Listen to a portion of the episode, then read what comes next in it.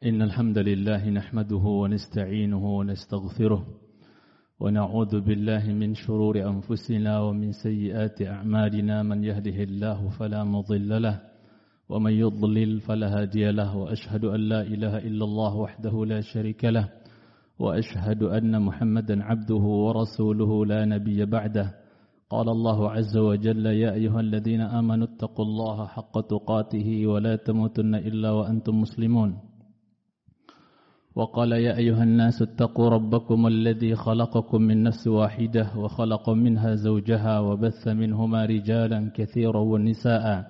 واتقوا الله الذي تساءلون به والأرحام إن الله كان عليكم رقيبا. وقال يا أيها الذين آمنوا اتقوا الله وقولوا قولا سديدا يصلح لكم أعمالكم ويغفر لكم ذنوبكم.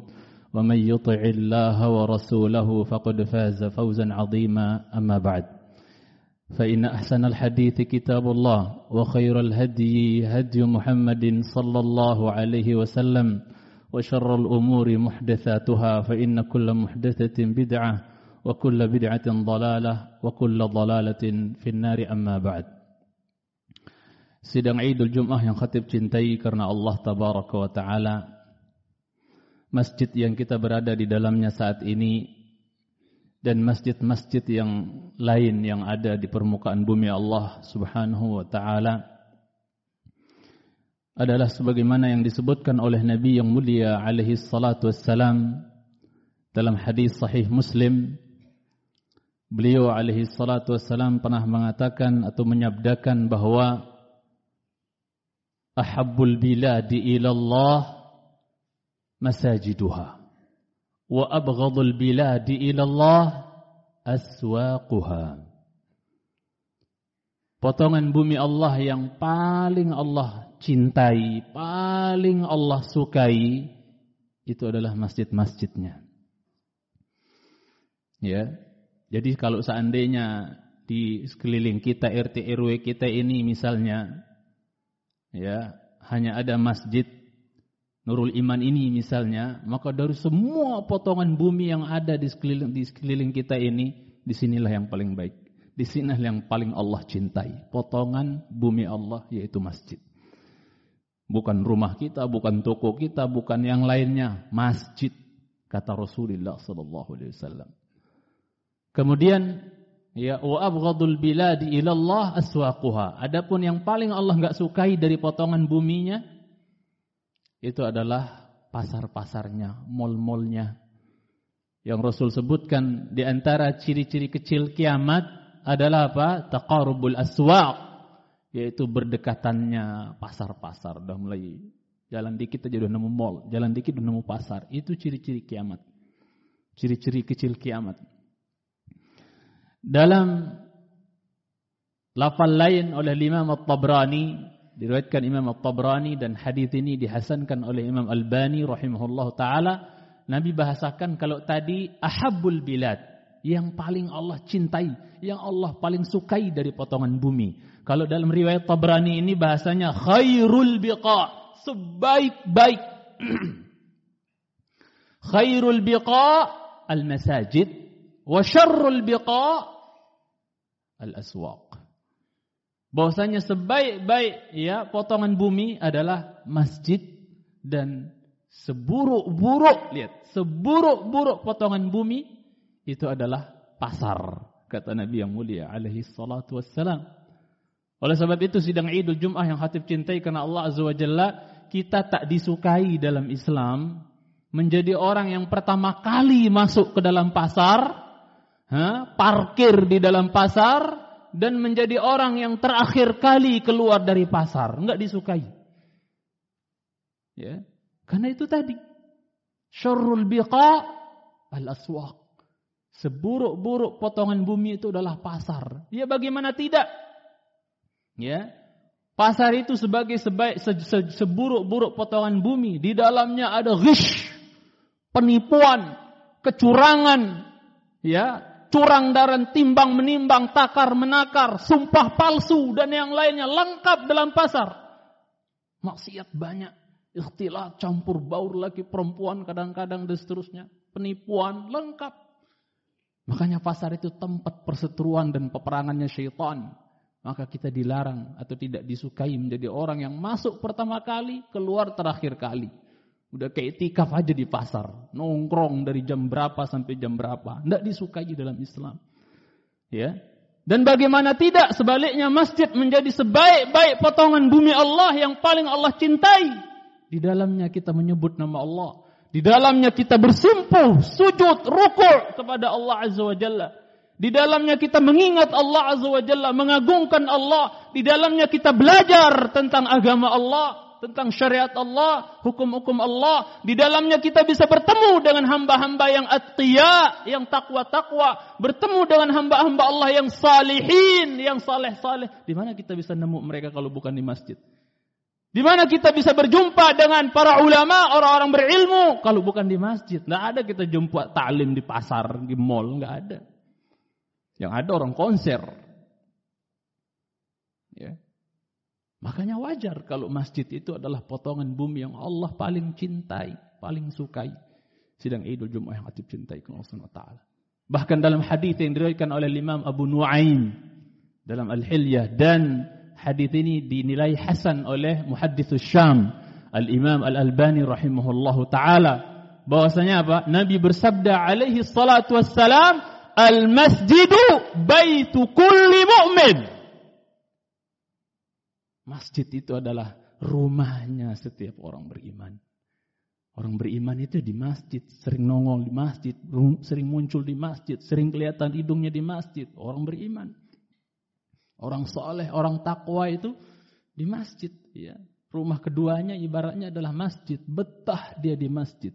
Maka sebagian riwayat menyebutkan orang mukmin dalam masjid kesama katifil ma ikan dalam air. Memang alamnya betah dia di dalam air. Ikan dalam air ya alamnya betah dia. Begitu orang mukmin dalam masjid. Tapi orang munafik dalam masjid seperti burung dalam sangkar. Pengen gerubak-gerubuk keluar. Enggak betah rasanya. Subhanallah. Ya. Mana kita dari sebagian salaf yang sering khatib ceritakan kalau dia mau pulang keluar dari pintu masjid nangis dia di pintu masjid. Ditanya kenapa setiap kali mau pulang dari masjid nangis mulu di pintu. Kenapa mas? Dia katakan karena bisa jadi ini adalah janji terakhir saya dengan masjid. Saya nggak bisa jamin saya keluar sekarang dari masjid, saya pergi ke mana, kemudian saya mati, tidak bisa balik lagi ke masjid. Itu yang membuat saya menangis. Terpaut hatinya dengan rumah Allah Azza wa Jalla. Ya. Tergantung muallak qalbuhu bil masajid. Hatinya dengan masjid, dengan rumah Allah Azza wa Jalla. Hatinya terpaut dengan masjid. Bak lampu-lampu hias yang bergelantungan di masjid yang kadang kita lihat di sebagian masjid. Ya. Di saat sebaliknya sebagian kaum muslimin jasadnya di masjid, hatinya bergantung dengan kantornya, Hatinya bergantung dengan rumahnya, hatinya bergantung dengan lapangannya, hatinya bergantung dengan ya, ya permainannya dan yang lainnya. Tapi orang-orang yang mukmin, orang-orang yang hatinya terpaut dengan masjid, itu apa? Di luar masjid pun hatinya terpaut dengan masjid. Dilihat terus jam sebentar lagi, berapa menit lagi, berapa menit lagi waktu sholat. Dia kangen dengan rumah Allah Subhanahu wa taala. Ya, sidang Idul Jumat yang hati cintai karena Allah Tabarak wa taala. Ya. Makanya pendahulu-pendahulu kita itu betul-betul mereka berusaha untuk mengikat hati generasi-generasi mereka itu dengan rumah Allah Azza wa Jalla. Kita lihat sebagian orang tua sekarang tidak ada himmah untuk mengikat hati anak-anak mereka dengan rumah Allah Azza wa Jalla.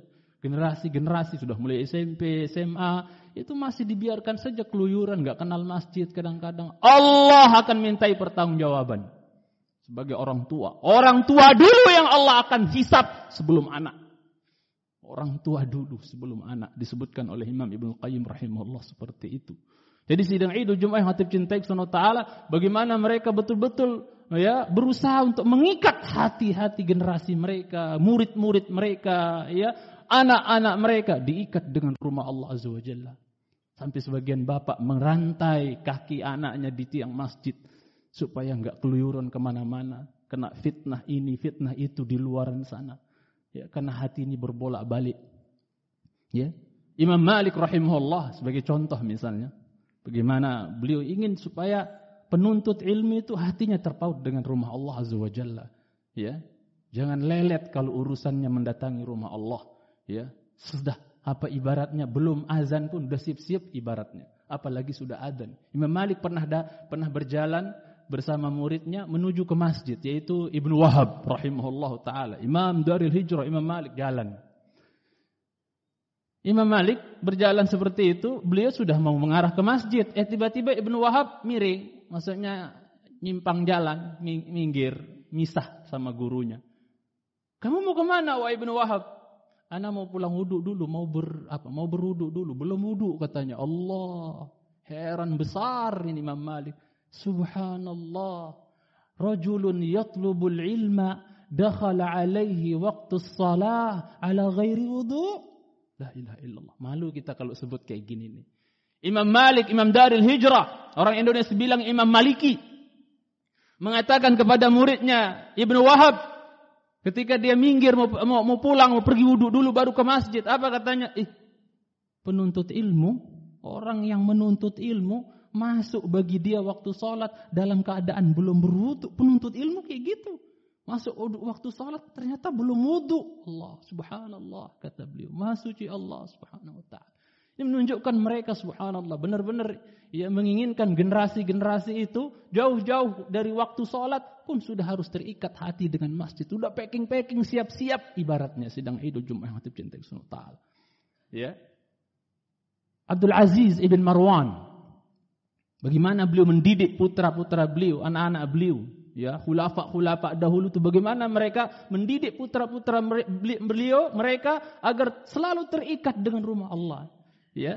Jangan pernah malas ke rumah Allah Subhanahu wa taala. Apa Abdul Aziz bin Marwan ketika anaknya mondok atau belajar sama seorang muadib kalau bahasa dulu itu seorang guru yang tinggal di kota lain maka dapatlah Abdul Aziz bin Marwan, dia dapat surat dari sang guru putranya bahwa anakmu goib dari sholat jamaah. Anakmu goib dari sholat jamaah. Kata sang guru laporan dalam surat. Maka Abdul Aziz bin Marwan mengutus seorang halak tukang cukur. Ya, sambil membawa surat berisi nasihat dari sang Abdul Aziz bin Marwan untuk sang putra. Tapi apa pesannya Abdul Aziz bin Marwan kepada tukang cukur ini? Bahwasanya apa? Jangan kau beri suratku ini kepada anakku sampai kau botakin dulu kepalanya. Coba, gara-gara nggak sholat, nggak kelihatan sholat berjamaah sekali, anaknya, padahal harus sudah harus ke masjid, tapi nggak kelihatan sekali. Bagaimana tegasnya mereka mendidik anak? Botak kepalanya. Ya, jadi botak-botakan kepala sebagai punishment itu ada di zaman pendahulu kita. Jangan sekali cintai ta'ala. Bahkan itu di kalangan khulafa, di kalangan umara. Betul ketika sampai di sana, bahwasanya apa? Dia nggak mau kasih surat bapaknya yang berisi pesan dan seterusnya sampai dibotak kepala anaknya tersebut. Begitu mereka. Ya. Hisham bin Abdul Malik rahimahullah taala bahwasanya dia kalau pergi sholat Jumat dia pantang itu sap-sap dia hitung satu persatu anak-anaknya tuh. Hadir. Suatu saat ada anaknya yang gak hadir di sholat Jumat. Begitu pulang, diinterogasi. Kenapa kamu tak kelihatan di sholat Jumat? Ya, Kalau yang tadi anaknya Abdul, Abdul Aziz bin Marwan, alasan dia nggak datang sholat, Jum, sholat jamaah itu gara-gara itu tukang sisir rambut dia itu agak lama nyisirnya ngerapiinnya lama, jadi saya terlambat sholat jamaahnya kata dia. Adapun yang ini, ketika ditanya, kenapa kamu nggak kelihatan di sholat Jumat tadi? Bapak lihat kamu nggak ada sholat Jumat, kenapa? Kata dia, ya ajizat baglati antahmilani. Itu binatangku, tungganganku, ontakku nggak kuat. Dia sakit untuk nggak bisa memikul saya, nggak bisa membawa saya, Pak. Jadi kendaraan saya sakit, Pak. Apa kata sang bapak? Kata Hisham bin Abdul Malik kepada putranya, oh jadi kalau tunggangan sakit, sholat Jumat uzur ya? Allah musta'an. Diomel habis-habisan anaknya. Begitu mereka sidang idul Jumat yang hatib cintai ta'ala. Saking mereka ingin ikat hati generasi-generasi mereka dengan rumah Allah subhanahu wa ta'ala. Dan kemudian, orang yang selalu terikat hatinya, terpaut hatinya dengan rumah Allah azza wa jalla, itu mereka berada dalam penjagaan Allah. Antum datang ke rumah Allah ini, pada hakikatnya antum berada dalam penjagaan Allah. Pengamanan langsung dari Allah Azza wa Jalla. Ya, jaminan langsung dari Allah Subhanahu wa taala. Apa kata Rasulullah sallallahu alaihi wasallam dalam hadis yang diriwayatkan Imam Abu Daud, Ibnu Hibban dan disahihkan oleh Imam Albani rahimahullahu taala bahwasanya thalathatun kulluhum ya ya dhaminun 'ala Allah. Ada tiga orang yang semuanya dijamin diberikan pengamanan langsung ya oleh Allah Subhanahu wa taala. Siapa mereka? Disebutkan oleh Nabi sallallahu alaihi wasallam, rajulun kharaja ghazian fi sabilillah hatta yatawaffahu Allah fayudkhilahul jannah ya au yaruddahu ya bima nala min ajrin au ghanimah. Yang satu Orang yang akan selalu dalam penjagaan Allah, jaminan Allah, penjagaan Allah Azza wa Jalla. Siapa mereka? Orang yang keluar berjihad di jalan Allah Subhanahu wa taala, berperang berjihad di jalan Allah Azza wa Jalla, kemudian dia meninggal, mati syahid. Kemudian Allah dengan sebab itu masukkan dia ke dalam surga. Kalau dia masih hidup, pulang dia selesai jihad, pulang dia masih sehat walafiat, maka dia pulang membawa pahala yang banyak dan pulang, pulang juga membawa ghanimah harta rampasan perang. Nomor dua terkait materi kita. Kata Rasulullah sallallahu alaihi wasallam, "Wa rajulun raha ilal masjidi." Seorang laki-laki yang berangkat ke masjid, fahuwa dhaminun 'ala Allah. Dia berada dalam penjagaan Allah, jaminan Allah, tanggungan Allah Subhanahu wa taala hatta yatawaffahu Allah fayudkhilahul jannah sampai Allah wafatkan dia. Mungkin dari perjalanan ke rumahnya menuju ke masjid atau bahkan ketika dia di masjid dia meninggal mungkin lagi sujud Allah wafatkan dia. Dia meninggal dalam keadaan salat, fayudkhilahul jannah. Allah masukkan dia ke dalam surga dengan sebab itu. Atau kalau setelah selesai salat dia masih sehat walafiat pulang ke rumahnya, ya, au yaruddahu bima nala min ajrin atau dia kembali dari masjid dalam keadaan telah meraup pahala yang banyak. Kemudian yang ketiga, yang dijamin oleh Allah, ditanggung langsung oleh Allah, penjagaannya dijamin oleh Allah Azza wa Jalla, rajulun, ya, raja'a rajulun yang ketika kata Rasulullah sallam rajulun sallama ala ahlihi ay rajulun ya sallama ala sallama raja'a ila baiti wa rajulun sallama ala ahlihi fahuwa dhaminun ala Allah yaitu seorang yang ketika dia pulang ke keluarganya, ke istrinya, dia mengucapkan salam dan betapa banyak kaum muslimin melalaikan permasalahan ini. Yaitu kalau dia pulang dari kantor, dari mana, masuk rumah, ada istrinya, mingkem saja, nggak ada apa-apa. Ya.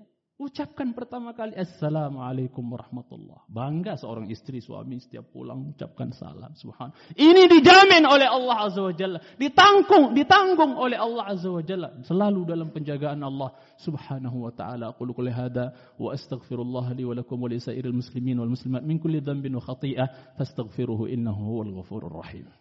Alhamdulillah wassalatu wassalamu ala Rasulillah wa ala alihi wa sahbihi wa man walah.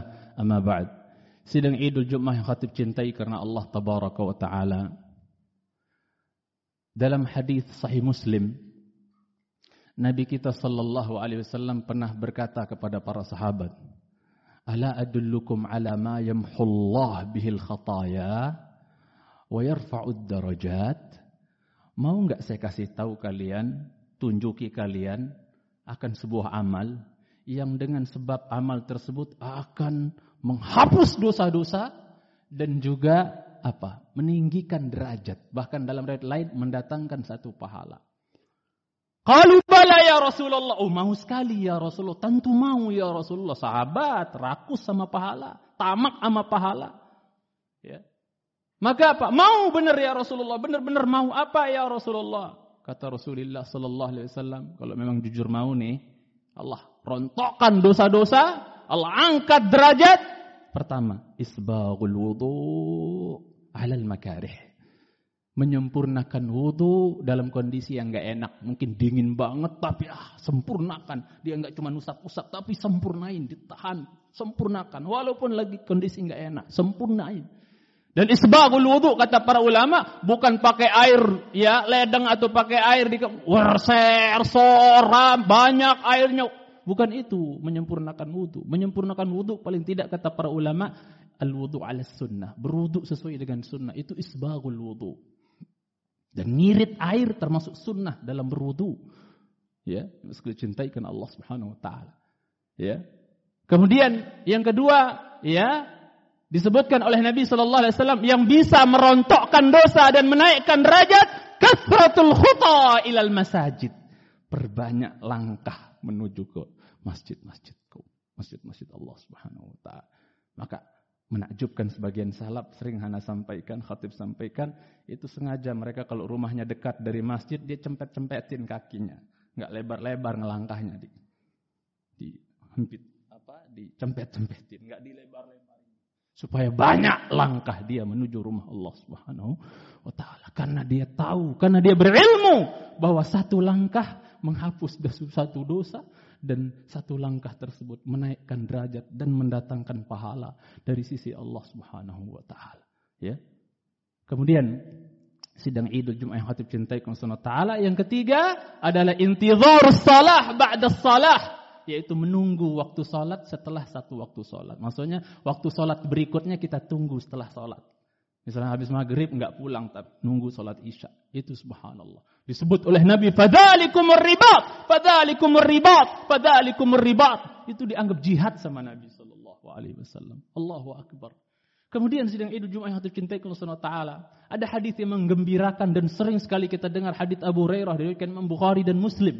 Bahwasanya Nabi Sallallahu Alaihi Wasallam sebutkan sab'atun yudhilluhumullahu fi dhillih yauma la dhilla illa dhillu ya?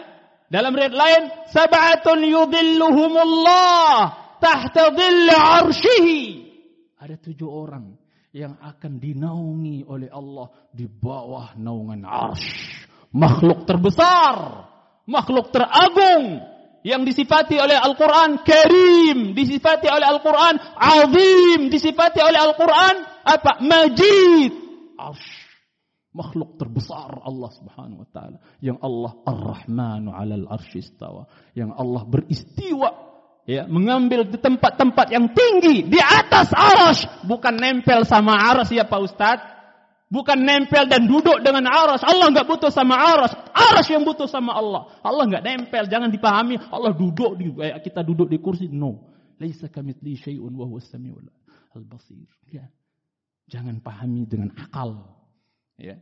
Kemudian sidang Idul Jumat yang hatib cintai karena Allah tabaraka wa taala kalau disebut ya naungan dengan arus berarti kita ingat bagaimana kondisi manusia nanti di yaumil qiyamah, di arsatul qiyamah, di padang mahsyar yang panas. Tudna syamsu yaumal qiyamati qadra mil. Matahari didekatkan kepada manusia di hari kiamat cuma satu mil dari kepala. Gimana panasnya? Sehingga ada orang berkeringat, ya orang berkeringat di hari tersebut sesuai dengan kadar dosanya. Waliyadzubillah. Hari yang panas. Ternyata ada hamba-hamba Allah yang Allah bikin adem, yang Allah bikin ya ya tentram dinaungi oleh Allah Subhanahu wa taala di hari tersebut. Disebutkan oleh Nabi sallallahu alaihi wasallam ada tujuh ya imamun adil, pemimpin yang adil, enggak zalim. Kemudian yang kedua adalah syabun nasya'ati ibadatillah, pemuda yang tumbuh berkembang di atas ibadah kepada Allah, ya. Bukan konser sana sini, ya.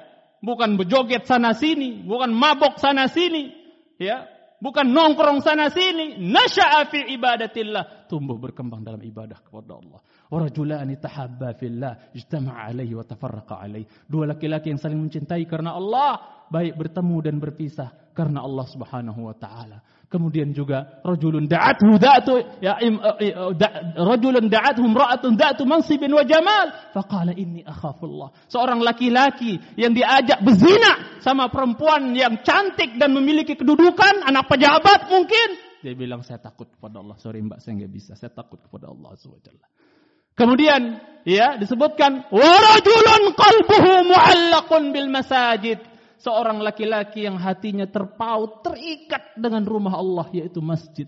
Ya. Kemudian warajulun tasaddaqa bisadaqatin fa akhfaha hatta la ta'lama shimaluhu ma tunfiqu yaminu. Seorang yang berinfak dengan tangan kanannya sampai tangan kirinya enggak tahu apa yang diinfakkan. Ikhlas, sembunyikan amal. Yang terakhir, rajulun dzakarallaha khalian fafadat. Seorang yang berzikir dalam keadaan sendiri enggak ada yang lihat, menangis dia takut kepada Allah. Bukan nangis dipertontonkan di TV-TV, semuanya jadi ikut nangis. Allah musta'an perlu dipertanyakan kadang-kadang. Kemudian sidang Idul Jumat yang hatib cintai karena Allah Subhanahu wa taala. Kita akhiri khutbah kita ini dengan bagaimana keterkaitan hati Nabi kita dengan masjid. Bagaimana ya keterpautan hati Nabi kita sallallahu alaihi wasallam dengan rumah Allah, dengan masjid. Antum ingat kisah Nabi sallallahu alaihi wasallam sakit di hari Jumat itu, panas, membara, ya, ya panas dua kali lipat dibandingkan panas kita, demam dibandingkan dua kali lipat dibandingkan demamnya kita. Sallallahu alaihi wasallam. Ya, sahabat sudah nunggu tuh salat Isya. Sampai sebagian mereka mengatakan, "Ya Rasulullah, ya, namatin nisa wasibyan." Sudah pada tidur istri-istri kami ya Rasulullah. Sudah pada tidur anak-anak kami. Isya belum ini gimana? Kan Imam Rasulullah sallallahu alaihi wasallam enggak keluar-keluar sakit Akhirnya Rasulullah Sallallahu Alaihi Wasallam minta air, guyur diri. Ketika berasa agak enak, mau bangkit, pingsan. Sampai tiga kali berulang-ulang. Setiap siuman yang ditanya, asal nas, udah sholat pada belum? Udah pada sholat belum? Enggak ada, anak udur aja, anak sakit, anak udur. Enggak, udah pada sholat belum? Mau ngimamin beliau alaihi salatu wassalam. Apa kita bilang nanti di hadapan Allah Azza wa? Nabi saja yang sakit parah seperti itu ingin berusaha untuk ngimamin salat berjamaah bersama para sahabat di rumah Allah karena terkaitnya terikatnya hati beliau dengan rumah Allah Subhanahu wa taala. Ya, akhirnya enggak kuat, akhirnya muru Abu Bakrin falyusalli bin nas. Tolong suruh Abu Bakar ngimamin, gantiin saya ngimamin manusia. Akhirnya satu Ahad Abu Bakar jadi imam. Seninnya asar sampai Senin asar itu Rasulullah SAW wajadati nafsihi khiffatan. Happy jasadi khiffah. Beliau merasa badannya agak enak dikit maka beliau berusaha untuk apa? Keluar ke masjid. Ternyata apa? Nggak kuat berdiri ya. Maka dipanggil Ali bin Abi Thalib mantu beliau dan paman beliau Abbas bin Abdul Muttalib. Fayuhada dipapah Nabi kita. Kata Ibunda Aisyah yang radhiyallahu taala dalam hadis Bukhari ini meriwayatkan menceritakan, "Faka'anni anzuru ila rijlaihi takhuttan minal wajah." Aku lihat dua kaki Nabi sallallahu alaihi wasallam itu diseret-seret, enggak bisa ngangkat. Saking sakitnya beliau, parahnya beliau, enggak bisa ngangkat kakinya itu nyeret-nyeret ingin didirikan di masjid Allah Subhanahu wa taala. Apa kita bilang di hadapan Allah wahai yang sehat-sehat? kemudian gak mau datang ke rumah Allah Subhanahu wa taala. Apa kita jawab nanti? Persiapkan untuk pertanyaan jawaban. Allahumma salli ala Muhammad wa ala ali Muhammad. كما صليت على إبراهيم وعلى آل إبراهيم إنك حميد مجيد وبارك على محمد وعلى آل محمد كما باركت على إبراهيم وعلى آل إبراهيم إنك حميد مجيد اللهم اغفر للمسلمين والمسلمات والمؤمنين والمؤمنات الأحياء منهم والأموات اللهم يا مقلب القلوب ثبت قلوبنا على دينك. اللهم يا مصرف القلوب صرف قلوبنا على طاعتك. ربنا ظلمنا أنفسنا وإن لم تغفر لنا وترحمنا لنكونن من الخاسرين. ربنا هب لنا من أزواجنا وذرياتنا قرة أعين واجعلنا للمتقين إماما. ربنا آتنا في الدنيا حسنة وفي الآخرة حسنة. وقنا عذاب النار. وصلى الله على محمد وعلى آله وصحبه وسلم. وآخر دعوانا أن الحمد لله رب العالمين. أقم الصلاة.